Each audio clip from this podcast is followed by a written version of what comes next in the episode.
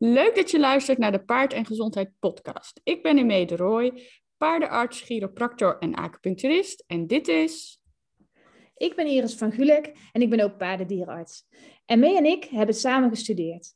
En nu is onze missie om de gezondheidskennis van paardeneigenaren te vergroten en op die manier de gezondheid en het welzijn van paarden te verbeteren. En dat doen we graag in deze podcast.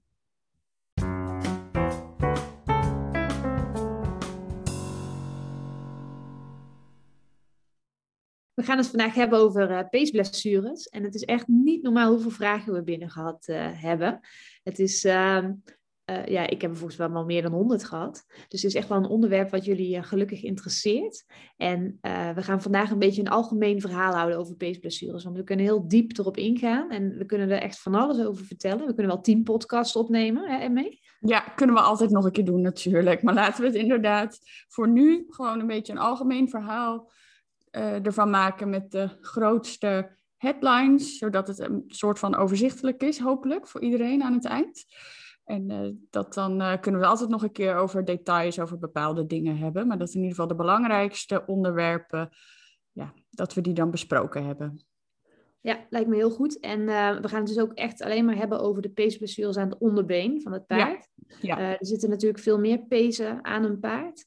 Ehm, maar we gaan het alleen hebben aan die aan het onderbeen en dan ook de achterkant van het onderbeen. Dus niet over de strekpezen, maar eigenlijk alleen uh, ja, over de oppervlakkige buiger, de diepe buiger, het checkligament en de interosseus. En de interosseus wordt ook wel de tussenpees genoemd. Ja, precies. Ja, want dat zijn eigenlijk ook natuurlijk de plekken waar je ze gewoon het meeste ziet, de peesblessures. Dus daar gaan we het inderdaad over hebben. En dan, nou ja, Iris noemde het net al, de oppervlakkige buiger, uh, nou ja, eigenlijk zoals de naam het zegt, die ligt eigenlijk het meest oppervlakkig. Dus die ligt zoals uh, ja, aan de achterkant van het uh, pijpbeen, um, direct eigenlijk onder de huid. Dus het meest oppervlakkig gelegen. Want ja, hè? oppervlakkige buiger, logisch, oppervlakkig. Je zelf bedacht? Ja, ik, ik had het zelf kunnen bedenken. Ik ben blij dat je me zoveel credits geeft. Maar nee, ik... ik heb de anatomieboeken niet geschreven, was het maar waar. Daaronder ligt natuurlijk de diepe buiger. Ja, inderdaad. En die ligt die dieper. Oh, jongens. ja, nee, inderdaad. De, de, diepe buiger, die ligt inderdaad net wat dieper. Goh. En dan heb je het uh, checkligament. Uh, die loopt dus van de uh, carpus, dus de, de voorknie, tot aan de diepe buiger. Dus ongeveer halverwege uh, het pijpbeen. En dan heb je nog de tussenpees of de interosseus. En die ligt tegen het pijpbeen aan. En die splitst ook nog uh, halverwege de pijp in twee uh, schenkels. En die hechten aan op de sesambeentjes. En ja, die anatomie van hoe die pezen zitten, die is eigenlijk, vind ik, die wel super interessant. En het is heel mooi om te zien. En er zijn allerlei mooie plaatjes van te vinden. Maar ja, dat is, als we dat nu zo in de podcast vertellen, allemaal niet zo heel ja, handig in beeld te brengen natuurlijk. dus uh, mocht je daarin geïnteresseerd zijn, moet je dat zeker eens even opzoeken. Want ja, ik vind dat wel heel kunstig allemaal hoe dat zit. Maar um, nou, daar komen dus in ieder geval de meeste blessures voor. Ik denk dat we maar uh, een YouTube-kanaal moeten beginnen. Dan kunnen we daar uh, alles laten zien. Want we hebben nog niet genoeg te doen. Oh ja, inderdaad. Ook een YouTube-kanaal. Ja, nee, we komen om in de tijd. Dat scheelt. We blijven bij de pees. Ja, um, ehm, pezen die zijn dus een verbinding tussen het bot en de spier. En je kunt een pees eigenlijk uh, vergelijken met een elastiekje. En een elastiekje dat opgerekt uh, wordt. En uh, doordat zo'n e-, elastiekje natuurlijk ook te veel op kan rekken. Je kunt je ook voorstellen dat je een elastiekje ook uit elkaar kan trekken. Um, kan er dus ook een, een blessure ontstaan. En kan dat elastiekje dus echt ja, beschadigen. Ja, precies. En dat kan dan dus ja, eigenlijk acuut uh, dus zeg maar dat het plotseling optreedt, dus door een gekke beweging of in de wei uh, enorm uit een stekker gaan en dan struikelen, of in ieder geval iets van uh, trauma. maar ik denk dat belangrijkere oorzaak is zijn eigenlijk de overbelasting. Hè? Dat, dat is eigenlijk wat je vaker ziet. En ook daarin kun je dan weer onderscheid maken. dus zeg maar overbelasting, dus echt in de zin van het woord dat uh, je paard helemaal niet gewend is om uh, überhaupt eigenlijk heel veel arbeid te verrichten. En dan ga je ineens een hele zware galop, galoprit door de Loons en Drunense duinen doen. En dat, uh, ja, dat is wel een heel mooi gebied om te rijden. Het maar is wel een heel mooi gebied. Het is wel echt heel gevaarlijk daar, qua diep zand. Zo, dat is echt super zwaar zand. En uh, daar doen die benen van een paard het gewoon niet heel erg lekker op. Uh, dus dan kun je natuurlijk blessures uh, krijgen. Maar wat, wat mij betreft ook een heel belangrijke is, en wat misschien nog wel eens wat onderschat wordt, is eigenlijk de overbelasting doordat um, het paard zijn lichaam niet goed gebruikt. Dus dat je bijvoorbeeld um, hebt dat ze ja, zoals we dat dan heel mooi noemen, inefficiënte belasting van het lichaam. Dus dat ze bijvoorbeeld de scheve paarden, dus die dan altijd linksvoor net wat meer belasten, uh, doordat ze andere plekken in hun lichaam vasthouden, of de manier van trainen. Ik denk dat dat uh, een soms wat onderschatte factor is bij het ontstaan van peesblessures, maar wel heel belangrijk is. Ja, ik denk dat je er helemaal gelijk in hebt. Ik denk dat inderdaad de chronische overbelasting, dus het continu verkeerd en te veel belasten, dat dat ervoor zorgt dat die pezen ja, steeds een beetje meer beschadigen. Ja. tot het op een gegeven moment op zo'n punt is dat er een hele fikse beschadiging, en dan lijkt het een acute beschadiging, maar is het dus eigenlijk een opeengestapelde beschadiging ja, is. en ik denk dat dat bij onze paarden echt het meeste, meeste voorkomt. Dus daar ben ik het helemaal met je eens. En, ja, nou, gelukkig. Ja, het scheelt weer. Dat ik met je eens. Het scheelt dat wij er in ieder geval niet over, te, over hoeven te discussiëren. Het zou misschien wel leuk zijn om naar te luisteren.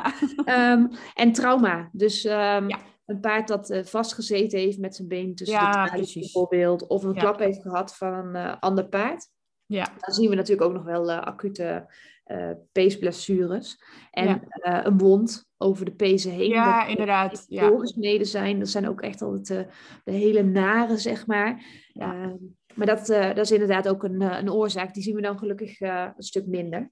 Ja. Ehm, het is meestal dat, ja, de chronische overbelasting. Dus eigenlijk is het misschien ook wel gunstig. Want dat betekent dat we dat ook kunnen gaan proberen te voorkomen. Precies, ja, inderdaad. Want overal waar wij dan eigenlijk de oorzaak van zijn, of in ieder geval de ruiters, of de, de, de nou ja, in ieder geval wij die erop zitten, zeg maar, wat wij dan onbedoeld of onbewust uh, veroorzaken, daar kunnen we dan ook wat aan doen als we onszelf ervan bewust zijn. Ja, dus, um, ja. ik had ook, want het is wel mooi zo, denk ik, de overgang. Ik had nog een vraag. Nou ja, één vraag. Vraag. vragen.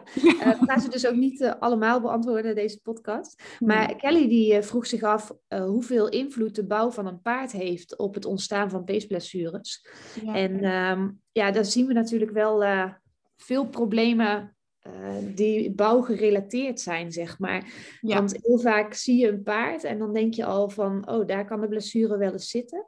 Um, als je dan uh, bijvoorbeeld een paard ziet met hele steile sprongen, dus die echt ja. heel recht in de sprongen staat, dan uh, zien we vaker tussenpeesblessures. Ja. Dus van de interosseus pees. Ja. Um, dus zulke ja, dingen kun je echt wel aan de bouw al, al afzien. Ja. ja, en ongelijke voeten. Ja. is ook een grote risicofactor wat mij betreft. Uh, ja, die zorgen ook voor ongelijke belasting in het lijf en ongelijke tractie of ongelijke trekkracht aan de pezen en de spieren. Dus uh, zeker de, de hoefstand en uh, de, ja, de, mm, ja, de scheve voeten. Ja, precies, de scheve voeten. Dat zijn allemaal naar binnen of naar buiten gedraaid. Ja, de toontredende of juist ja. Dus dat zijn zeker belangrijke factoren die meespelen. Dus uh, wat dat betreft is daarmee denk ik Kelly's vraag wel meteen beantwoord. Dat de bouw van het paard zeker van invloed is op het ontstaan ja. van peesblessures. En ja, andere risicofactoren op het uh, ontstaan van peesblessures was trouwens ook een vraag die best wel wat uh, naar voren kwam. Van hoe zit het nu met, uh, met bandages? Want dat is natuurlijk, je kan natuurlijk allemaal hele mooie matchende setjes kopen. En het ziet er altijd heel flashy uit. Maar ja, wat mij betreft is het wel een risicofactor. Want uh, het, ja, weet je, de, er is eigenlijk wel wat discussie over wat doet zo'n bandage nou. Kijk, het idee dat het het been ondersteunt, ik denk dat we dat kunnen laten varen. Want de krachten die op zo'n been komen, die zijn echt vele malen groter dan dat je met zo'n lapje om een been gaat, uh, gaat opvangen. En er is wel uit uh, onderzoek gebleken dat de temperatuur oploopt onder een bandage. Ja, het wordt heel warm.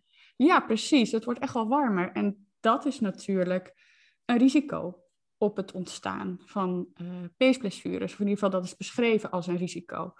Dus ja, het is niet helemaal één op één uh, bewezen, uh, maar ze hebben, ja, ze hebben geen nut in de ondersteuning en het kan het risico vergroten. Dus ja, wat mij betreft zou ik ze gewoon niet gebruiken.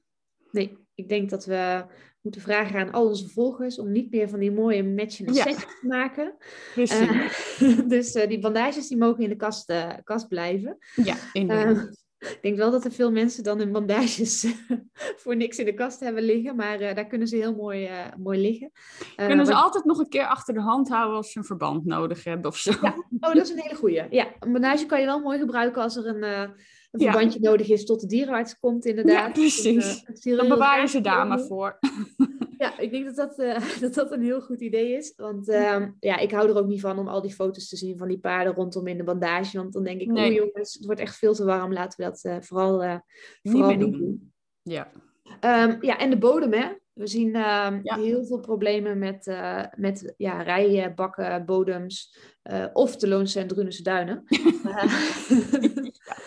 maar ehm, ja, ongelijke bodems, hele zware bodem. Ja. Um, er zijn ook wel eens springwedstrijden dat er drie paarden achter elkaar met een beestblessure uit de baan komen natuurlijk. Ja. Of dat de ruiters gelukkig ook al weigeren om te starten als ze gezien hebben hoe slecht, uh, hoe slecht de bodem is. Ja. bodem er ergens bij ligt. En ik denk dat je daar uh, echt rekening mee moet houden. Ook als je op concours gaat en je, je komt ergens en je denkt, ja, maar dit is echt heel uh, zwaar of echt heel slecht, dat je dan gewoon niet moet starten. Dan moet je gewoon ja. naar huis gaan. Ja, precies. je moet het risico gewoon niet lopen. Nee, ik denk dat dat, dat heel belangrijk is. Ja, en um, nou, we hadden het net al eventjes over dan als je paard niet gewend is aan bepaalde arbeid, um, om dan uh, ineens zo'n zware galoprit te doen. Maar dat is natuurlijk inderdaad ook gewoon een risico, hè? de conditie van het paard. En dat je dus uh, arbeid rustig moet opbouwen. En dat uh, de conditie, zeg maar het uithoudingsvermogen van je paard, dat is sneller op peil dan dat je pezen en je banden en de spieren daartegen kunnen. Ja, ja, die kracht uh, die erop komt ja. te staan, inderdaad, op je pezen, die, ja, dan moet je echt heel langzaam opbouwen. En uh, dat betekent dat je paard niet uh, binnen acht weken ja, vol in het werk kan staan, want dat is nee. gewoon veel te snel. Precies. En dan kan het wel dat hij het wel volhoudt om een uur te lopen, ja. maar zijn, ja, zijn lijf, zeg maar, zijn lijf zelf, ja. houdt het niet vol. En dan heb je veel meer kans op, op blessures. Ja, en dan krijg je, weet je, wat je net al zei, hè, die chronische uh, overbelasting, dat je dat dan kan krijgen. Dat dat dan steeds kleine microtraumaatjes zijn en dat dat dan uh, opbouwt. Dus uh, daar moet je ook rekening mee houden. Ja, en dan van de risicofactoren kunnen we naar de vraag van Melanie. En Melanie die vraagt zich af um, hoe je een peesblessure kan herkennen en of een paard ook altijd kreupel is. Um, en daar zie ik wel echt heel veel uh, fouten die uh, gemaakt worden door, uh, door eigenaren. Um, want ik zie heel vaak kreupelen, nee niet kreupelen, ja, ze zijn meestal niet zo kreupel, dat is meestal het probleem. Maar ik zie heel vaak paarden waarvan mensen zeggen van ja, twee maanden geleden liep hij ook wel even niet goed. Toen had hij even een dik been. Toen hebben we hem gekoeld een week en een week stilgezet. Nou, toen was het goed. En toen zijn we ja. weer begonnen. En dat is dan nog een keer gebeurd. En soms nog een keer. En dan zijn ze bij mij en dan hebben ze echt een mega dik been met een verschrikkelijke uh, peesblessure. Um, en die had hij dus twee maanden daarvoor ook al. En als ze toen geweest waren, was hij veel ja. sneller genezen, omdat het toen nog een milde vorm was. Maar omdat uh, die paarden zijn heel snel niet meer kreupel, vaak met een peesblessure. En dan gaan mensen weer rijden. Ja. Uh, dus uh, we moeten sowieso heel duidelijk maken vandaag eventjes, als je paard een dik been heeft, dat je altijd even de dierenarts laat kijken en ook een, uh, een echo laat maken. Ja, precies. Uh, de dierenarts laat beoordelen of dat nodig is. Want ja. Uh, ja je kunt veel problemen op die manier minder ernstig maken. Ja. Um, maar ja, de verschijnselen. Ja, warmte, dikte kan natuurlijk opvallen. Maar dat is ook meteen weer, zeg maar, ja, die dikte, wat je dan net zei natuurlijk. Maar dat is ook wel weer een beetje, um, ja, dat is niet altijd zo. Zeker bijvoorbeeld bij tussenpeesblessures. Uh, de, die, vanwege de ligging en hoe dat inge, ja, echt zo tegen het bot aan ligt en hoe het tussen de andere pezen ligt, uh, zie je niet altijd een dikte. Dus dat is ook wel dan weer daarbij ook wel weer dan een risico dat dat dan wat later herkend wordt soms. En ook die verschijnselen, zeker bij zo'n tussenpeesblessure achter. Misschien moeten we gewoon daar nog een keer een hele podcast over opnemen. Ja, uh, kunnen we wel nog uh, eh, 25 minuten over praten, denk ik. Ja, precies. Uh, zijn die verschijnselen dan soms ook wel heel subtiel? Want voor kan het trouwens ook variëren van, nou ja, niet kreupel of bijna niet kreupel tot heel kreupel. Ja. maar zeker achter bij die tussenpezen dan is het vaak meer zo van het paard doet het net niet lekker. Of um, in de uitgestrekte draf is hij ineens wat ongelijk. Of hij brengt zijn achterbeen net iets minder lekker onder. Dus dat zijn dan soms van die hele subtiele dingetjes. En dan heeft hij toch een blessure aan de aanhechting van zijn tussenpees. Ja. Dus, ja, en dat komt natuurlijk ook omdat het vaak beide benen is. Ja, precies. Wat het dan ook weer lastiger maakt. Als je pijn hebt in allebei je benen, evenveel ongeveer, dan zie je dus eigenlijk net niks. Nee, uh, ja, inderdaad. Dan kun je niet eentje ontlasten, inderdaad. Nee. Ehm, ja, en uh, kreupel, uh, inderdaad, het wisselt heel erg. Precies wat je zegt. Ook met ja, oppervlakkige buiger of diepe buigbees blessures. Sommige paarden zijn zo goed als op drie benen. Um, en andere zijn maar heel licht kreupel of eigenlijk helemaal niet kreupel. Nee, inderdaad. Dus ja, dat is heel lastig. Ja, nou ja, dus wat Iris dus net zei, heel belangrijk. als je paard een dik been heeft, laat het beoordelen door je dierenarts of een echo nodig is. Want dat is dan ook eigenlijk waaruit het onderzoek dan bestaat, hè? klinisch onderzoek. Dus eerst nou ja, gewoon afvoelen, kijken hoe het paard loopt, de kreupelheid beoordelen. Uh, en dan een, een echo waarop je dan dus kan zien waar de lesie of waar de beschadiging zit en hoe groot die is. En in welke pace dus. En aan de hand daarvan ja, kan er dan een plan gemaakt worden. Ja, want dat is inderdaad per blessure verschillend. Um, en ook per grootte van, van de blessure. Um, en ook hoe je dan uiteindelijk gaat behandelen is weer per blessure verschillend. Ja. Dus die echo is gewoon ja, echt nodig. En zelfs ja, wij als dierenarts kunnen vaak aan de buitenkant niet zien hoe erg het is en waar het precies uh, zit. We kunnen wel een inschatting maken dat we denken, oh, het lijkt de diepe buiger. Maar dan hebben we ook ja, de echo zeker nodig. Ja. En dat is ook mijn hobby, dus ik vind het ook heel leuk om te doen altijd om te kijken wat er precies... Wat doet Iris op zondagmiddag om 1 ja. uur? Iris Even een. Echo's maken. Um, maar je moet gewoon een echo hebben. Je kunt het niet aan de buitenkant. Je kan het niet alleen aan de buitenkant. Kun je het gewoon niet nee. met zekerheid zeggen. Echt niet. Nee, en um, uh, je moet altijd wel een week ongeveer wachten. Als ja, als de zwelling er nog uh, te veel ja, is. Ja, als de zwelling er is. En het is ook zo dat uh, je ja, de eerste week eigenlijk weinig ziet qua... het lichaam moet de blessure eigenlijk nog opruimen. Of in ieder geval... Uh, klinkt een beetje oneerbiedig, maar het gat moet nog ontstaan. Ja. Uh, um, dus je, het kan dat je als je na twee dagen echoot dat het heel erg meevalt, maar dat je een week later kijkt en dat je toch heel duidelijk ziet dat er een fikse blessure is. Ja, inderdaad. We wachten inderdaad altijd uh, een week. Ja. Um, ja, en als je paard een acuut dik been heeft, dan wil ik eigenlijk sowieso dat je contact opneemt met je dierarts. Ja. en inderdaad, koelen, rust, eventueel ja. ontstekingsremmers. Uh, maar dat altijd in, uh, in overleg. Ja, precies. Ja, en koelen is ook nog wel belangrijk om misschien even te zeggen dat uh, als je dan met de waterspuit aan de gang gaat, dat je niet ehm, vijf minuutjes koelt, want dan ben je alleen nog maar de huid aan het koelen. dus wel even minimaal een kwartier die spuit erop, omdat ja. je anders alleen maar, ja, dan ben je te oppervlakkig nog aan het koelen. Ja. En uh, oppassen met icepacks. Ik, uh, een paar weken geleden was ik nog bij iemand die had heel enthousiast gekoeld met icepacks en te direct op de huid. En die had er brandwonden van. Zeg maar, ja. of dus ja, brandwonden, hoe zeg je dat? Uh, ja, ja, ja, vrieswonden. Precies, vrieswonden. Um, en dat is natuurlijk super zonde, want dan heb je zo je best gedaan om te koelen. Maar dat was dus iets te enthousiast gedaan. Dus pas daar alsjeblieft mee op.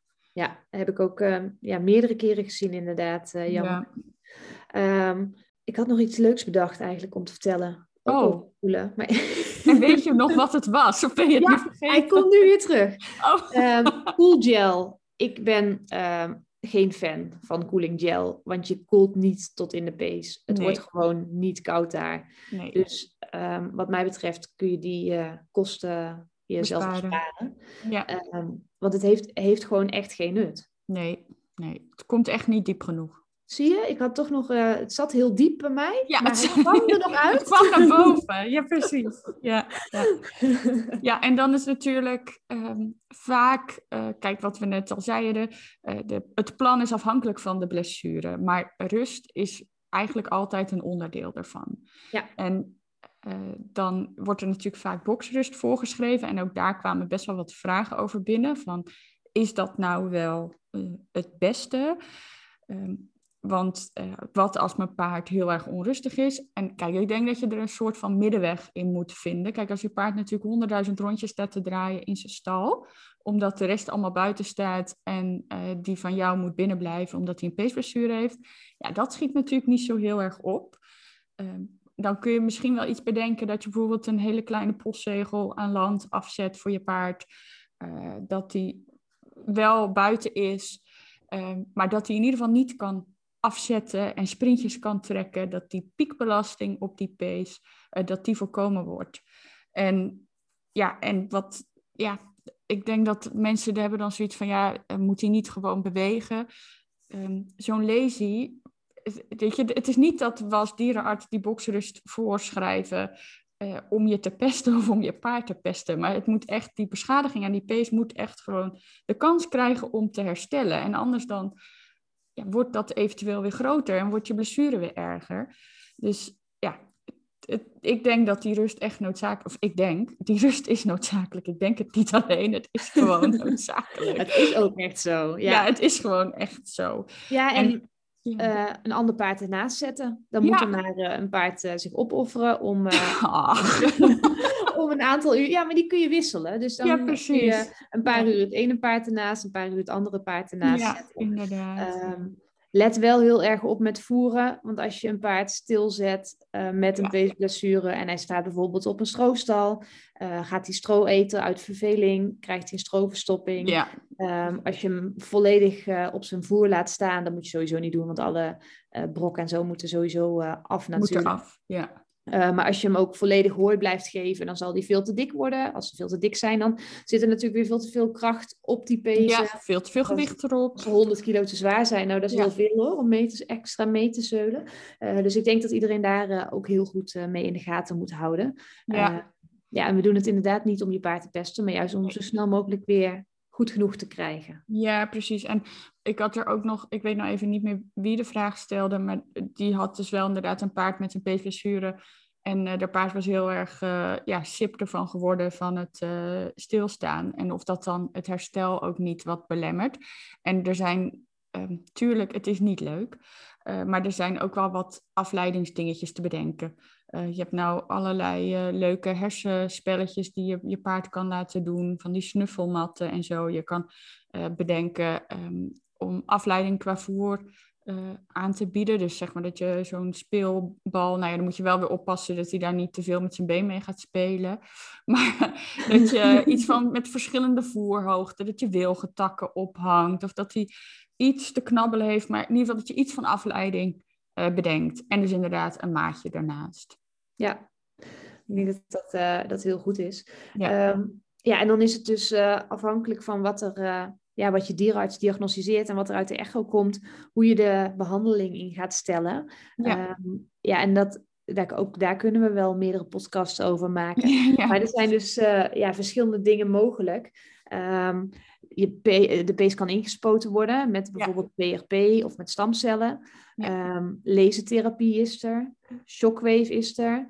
Um, het gaat eigenlijk, wat mij betreft, vrijwel altijd samen met uh, aangepast beslag. Ja, om het, de pees te ontlasten. Of ja, de aangetaste pees te ontlasten, ja. Ja, want het is afhankelijk van hoe je het paard op zijn voeten zet en welk beslag eronder zit, welke pees je ontlast. Dus daarom is het ook heel, veel, heel erg belangrijk om te weten welke, welke pees het is. En ook um, vind ik dat je dan met een, uh, een hoefsmid samen moet werken die daar dus echt verstand van heeft. Ja. Uh, want daar kom ik in de praktijk nog wel tegen dat ik een advies geef aan mensen van je moet zo en zo een ijzer. En dan krijgen ze ook mooi een, een schemaatje en een plaatje mee. En dan zeg ik, kan je hoefsmid dat? Ja, dat kan hij zeker. En dan komen ze terug na zes weken voor de controle echo. En dan denk ik, oeh, Er zit een iets nou, ander ijzer onder dan bedacht. Wat ik had gewild. Ja. Ehm, dus het is wel heel belangrijk om dan uh, ja, de hoefsmid te gebruiken die daar veel verstand van heeft. Ja, gewoon orthopedisch uh, gespecialiseerd uh, hoefsmid. Ja. Dan, die kan echt verschil maken hoor. Dus, ja, dus, zeker. Die is heel belangrijk. Heel belangrijk. Ja, precies. En dan ja, qua revalidatie, dat is natuurlijk ook afhankelijk van wat er precies aan de hand is. Um, maar ja, er zal altijd, wat er altijd in zal horen, is ja, echt gecontroleerde beweging. op ja, eigenlijk een beetje vlakke bodem. Dus dat je dan niet hobbel de bobbel over de, de keien en uh, de ja, ongelijke bak, de hele zware bak, dat je daar doorheen gaat lopen. Maar vlakke bodem is dan belangrijk. En er zijn natuurlijk ook nog andere dingen, hè? aquatrainer. Um, dan beweegt je paard eigenlijk zonder dat er heel veel kracht op de pezen komt te staan. En um, dat is nuttig voor het onderhoud ook van de bespiering, dus van de rest van het lijf. Um, verbetert ook de beweging van de buikspieren en van de rug. Uh, maar het is wel belangrijk ook weer dat daar iemand bij staat die er verstand van heeft. En nou is dat natuurlijk 99 van de 100 keer zo bij een aquatrainer. Ik bedoel, die mensen hebben allemaal een opleiding gehad. Omdat, ja, wat mij betreft, ook verkeerd gebruik kan ook echt wel averechts werken. Als bijvoorbeeld te hoog waterpeil wordt gebruikt uh, voor een bepaalde locatie, dan moet het paard juist dan weer extra sjouwen. Uh, en dat kan dan ook weer nadelig werken. Dus ook daarin uh, moet er gewoon goed samengewerkt worden tussen de dierenarts en degene die de aquatrainer begeleidt. Ja, dat, dat is zeker super belangrijk. En de dierenarts die stelt dus het, het revalidatieschema ook op. Dus die ja. gaat je vertellen hoeveel weken je wat moet doen en na hoeveel weken je terug moet komen voor de controle-echo. Ja. Ehm, meestal uh, als je een, een peesblessure hebt, nou, ik zie ze sowieso, nou, ik denk sowieso vier keer terug voor uh, ja, voordat je, ja, en als het een hele fikse blessure is, echt wel nog vaker. Ja. Ehm, dus ja, daar moet je wel rekening mee houden dat je daar dan ben je wel even zoek naar de dierenarts gaat. Ja. En afhankelijk van hoe die herstelt, dat het schema dus ook weer aangepast wordt, dat je meer mag gaan doen. Ja, Um, En in de gaten wordt gehouden of als je meer gaat doen, die pees ook blijft herstellen, zeg maar, en niet weer achteruit gaat. Ja, en, ja, en wat ik ook nog denk wel belangrijk is even om te zeggen, je moet ook niet te veel uh, gaan vergelijken met wat bijvoorbeeld je stalgenootje een keer heeft gehad met een peesblessure. Want de ene, uh, ook al was dat bijvoorbeeld allebei een uh, beschadiging aan de oppervlakkige buigen, um, de ene oppervlakkige buigen blessure is de andere niet. En de een herstelt weer net wat anders. Of, de, of er is de ene keer misschien gekozen voor, uh, voor PHP en de andere keer voor laser of een combinatie daarvan of zo. Dus uh, probeer dat ook dan een beetje los te laten, van, in die zin los te laten en niet te veel te vergelijken. Omdat dat gewoon niet altijd één op één te vergelijken is, hoe iets herstelt. Nee, dat, dat klopt helemaal. Um, Melissa had nog een vraag en die vraagt zich af of als de pees genezen is, of het dan eigenlijk altijd een, een zwakke plek blijft. Ja. Ja, punt. nou, Melissa, dat was het antwoord. Ja. Ja, nee, maar um, um, zeg maar, de, het littekenweefsel wat ontstaat, uh, de kwaliteit daarvan, ja, dat is anders dan het originele peesweefsel. En nu is het natuurlijk wel zo dat het in de laatste jaren al echt wel beter is geworden dan uh, 20 jaar terug. Omdat er nu gewoon veel meer behandelmethodes zijn, waardoor de kwaliteit ook wel wat, of in ieder geval de kwaliteit van het herstel wel beïnvloed wordt. Ja. Uh, maar ja, er ontstaat wel gewoon uh, littekenweefsel. En dat, um, ja, dat is minder uh, elastisch en wat zwakker. En ja, waardoor er, nou, ik denk dan weer een beetje aan dat elastiekje waar we het net over hadden. Als daar een harder stukje in zit, dan breekt het elastiekje ook sneller rondom dat harde stukje. Dus waar dat littekenweefsel in de pees zit, uh, daaromheen is het wel uh, ja, gevoeliger voor het opnieuw blesseren. Ja, zeker. Toch valt het me ehm, altijd wel mee hoe vaak ik paarden weer met een herblessure terug Ja, dat is waar. Ja. En, en er zijn zeker paarden die ik met een herblessure terugzie. maar er zijn ook heel veel die ik gelukkig nooit meer terugzie. Nee, precies. Ehm, dus, dus het valt me niet heel hard tegen, zeg maar. Nee. En mensen weten ook dat ze die voeten in de gaten moeten houden. Dat ze altijd op een vlakke, uh, nette bodem moeten blijven rijden en zo. Dus die paarden worden ook wel gelukkig goed gemanaged. Ja, ik denk dat het hem daarin zit. Dat, het, uh, dat de mensen zich dan bewust zijn inderdaad van dat de blessure er uh, zat. Ja. Dat ze er meer rekening mee houden. Niet dat ze daarvoor geen rekening hielden met hun paard, maar dat je misschien de risicofactoren beter in beeld hebt, dat ze voorzichtiger zijn inderdaad met bodems. En um, wat we nou nog niet genoemd hebben, maar wat ik ook wel een belangrijke vind in het herstel um, en in de revalidatie, is dat ook de rest van het lijf niet uh, vergeten wordt. Dat is natuurlijk een beetje mijn stokpaardje om de rest van de wervelkolom en de hals en het bekken en zo goed uh, te controleren. Maar dat is wat mij betreft echt essentieel, ook om, om wat ik eerder zei, het ontstaan van blessures is in mijn optiek heel vaak doordat er elders dan bijvoorbeeld al een probleem of een blokkade of een scheefheid of een inefficiëntie zeg maar ergens in het lijf zit of een gebrek aan balans of uh, nou in ieder geval wat, dat daar iets mee moet. Dus in je herstel is het ook wel heel belangrijk om de rest van het lijf mee te nemen. Ja, superbelangrijk. Ik uh, moet ook zeggen, als ik uh, mensen weer ga laten rijden, um, stuur ik ze ook altijd uh, eerst door naar een osteopaat of uh, chiropractor. Goed, hè? jou. Ja. ja. je netjes opgevoed. ja, het is, het is jammer dat jij niet zo dicht in de buurt wordt. Nee, ik zit te ver weg. maar uh, ja, nee, dat doe ik altijd. Want ja, ja, je ziet toch ook, ook doordat die paarden lang stilstaan natuurlijk. Ja, dat ook. Compenseren heel anders in hun lichaam komen te staan. En um, ja, ik wil gewoon dat ze eerst goed zijn voordat er weer iemand echt opkruipt. Ja. Um, ik moet wel zeggen dat ik ze vaak onder het zadel wel laat stappen uh, als het enigszins weer kan. Ja. Uh, qua herstel uh, niet altijd aan de hand, ook gewoon onder het zadel, omdat mensen dan toch net iets meer in de hand hebben, zeg maar. Ja, precies. en ze die paarden ook ja, iets meer kunnen gymnastiseren ja. dan gewoon zo aan de hand een rondje, rondje stappen. Um, ik bedacht me ook nog één ding wat we niet benoemd hebben, en dat vind ik wel echt super belangrijk. Oh, vertel. Um, ja, een van de oorzaken, eigenlijk misschien wel de belangrijkste, nee, um, dat paarden niet 24 uur per dag op de box kunnen staan en dan een oh. uur kunnen knallen. Ja, nee, zeker. Ja, dat is een hele belangrijke, ja. Ja, dat is eigenlijk wel stom dat we die niet meteen genoemd hebben, maar dat hebben we dan nu alsnog. Ja. Ja. Blijft die hangen, want het laatste blijft altijd hangen natuurlijk. Ja. Um, maar ja, je kunt niet van je paard verwachten dat als hij uh, 23 uur per dag in de box staat, nee. maar één uurtje eruit uh, mag, uh, dat die pezen dat dan aankunnen. Want ja, nee. je paard is niet gemaakt voor 23 uur per dag in de box. En die nee, benen zijn dan ook niet gewend om die belasting nee, te hebben. Ja. Um, ja, absoluut. Ja. En je paard blesseert zich niet doordat hij losgegooid wordt. En ja, hij kan zich misschien wel blesseren doordat hij losgegooid wordt. Maar je hebt, als je hem niet losgooit, wat mij betreft, veel meer kans dat hij blessures ja. krijgt tijdens het rijden dan wanneer je hem losgooit. Ja, um, je paard hoort gewoon niet 24-7 op stal. Dat nee. is eigenlijk. Uh, en wat ik ook nog uh, wel een interessant puntje vond, uh, dat hebben we nou ook niet genoemd. Wat een lekkere structuur hebben we erin. Maar um, dat was nog even dat koelen. want we zeiden net van in de acute fase, hè, dus als het net gebeurd is, koelen. en dat was ook nog een vraag die werd gesteld van.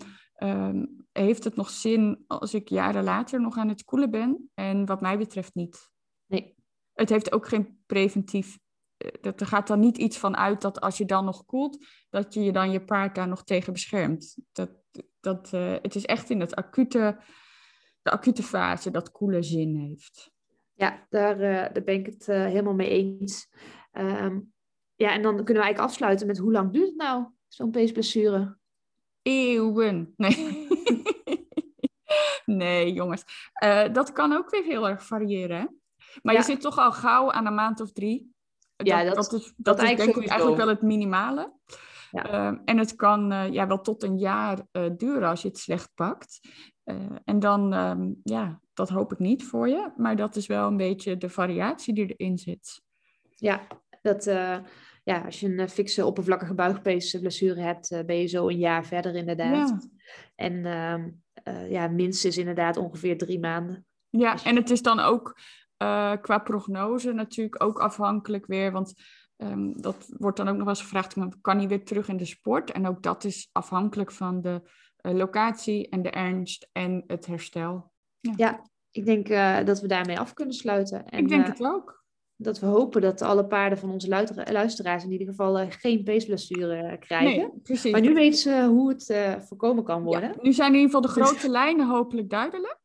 En dan uh, zullen we zeker nog dieper op zeker de behandelmethodes en zo. Dat is natuurlijk allemaal wel heel interessant. En om daar, daar dan nog wat verder op in te gaan. Maar dat ja, gaat anders nu gewoon te lang duren. Ja, denk het ook. Ja. Superleuk dat je geluisterd hebt. En ehm, we zijn nu ook op uh, Apple Podcast. Dus uh, dat is echt super gaaf. Maar, uh, weet ik ben heel blij mee dat het gelukt is. Ja, Mee heeft er heel goed de best op gedaan. maar daar kun je dus een review achterlaten. En we zouden het super tof vinden als je een 5-sterren review voor ons achterlaat. Ja, dan zijn we heel gelukkig. Dan gaat zelfs mee een dansje op tafel doen. dus um, dat zou heel fijn zijn. En een, uh, een, foto als je aan het luisteren bent of als je plusjes aan het doen bent met ons uh, in je oortjes, dan uh, op, op je stories zetten. Dat vinden we ook echt super fijn. Dus, ja, want ik wil nog even toevoegen. Brian had vorige keer toen hij de. was hij aan het afstoffen en toen zei hij: Ik laat mijn gezicht niet zien. nou, ik wil dus nu wel je gezicht zien. Dus Brian, als je luistert, ik wil je gezicht zien. nou, tot de volgende keer. Doei, doei.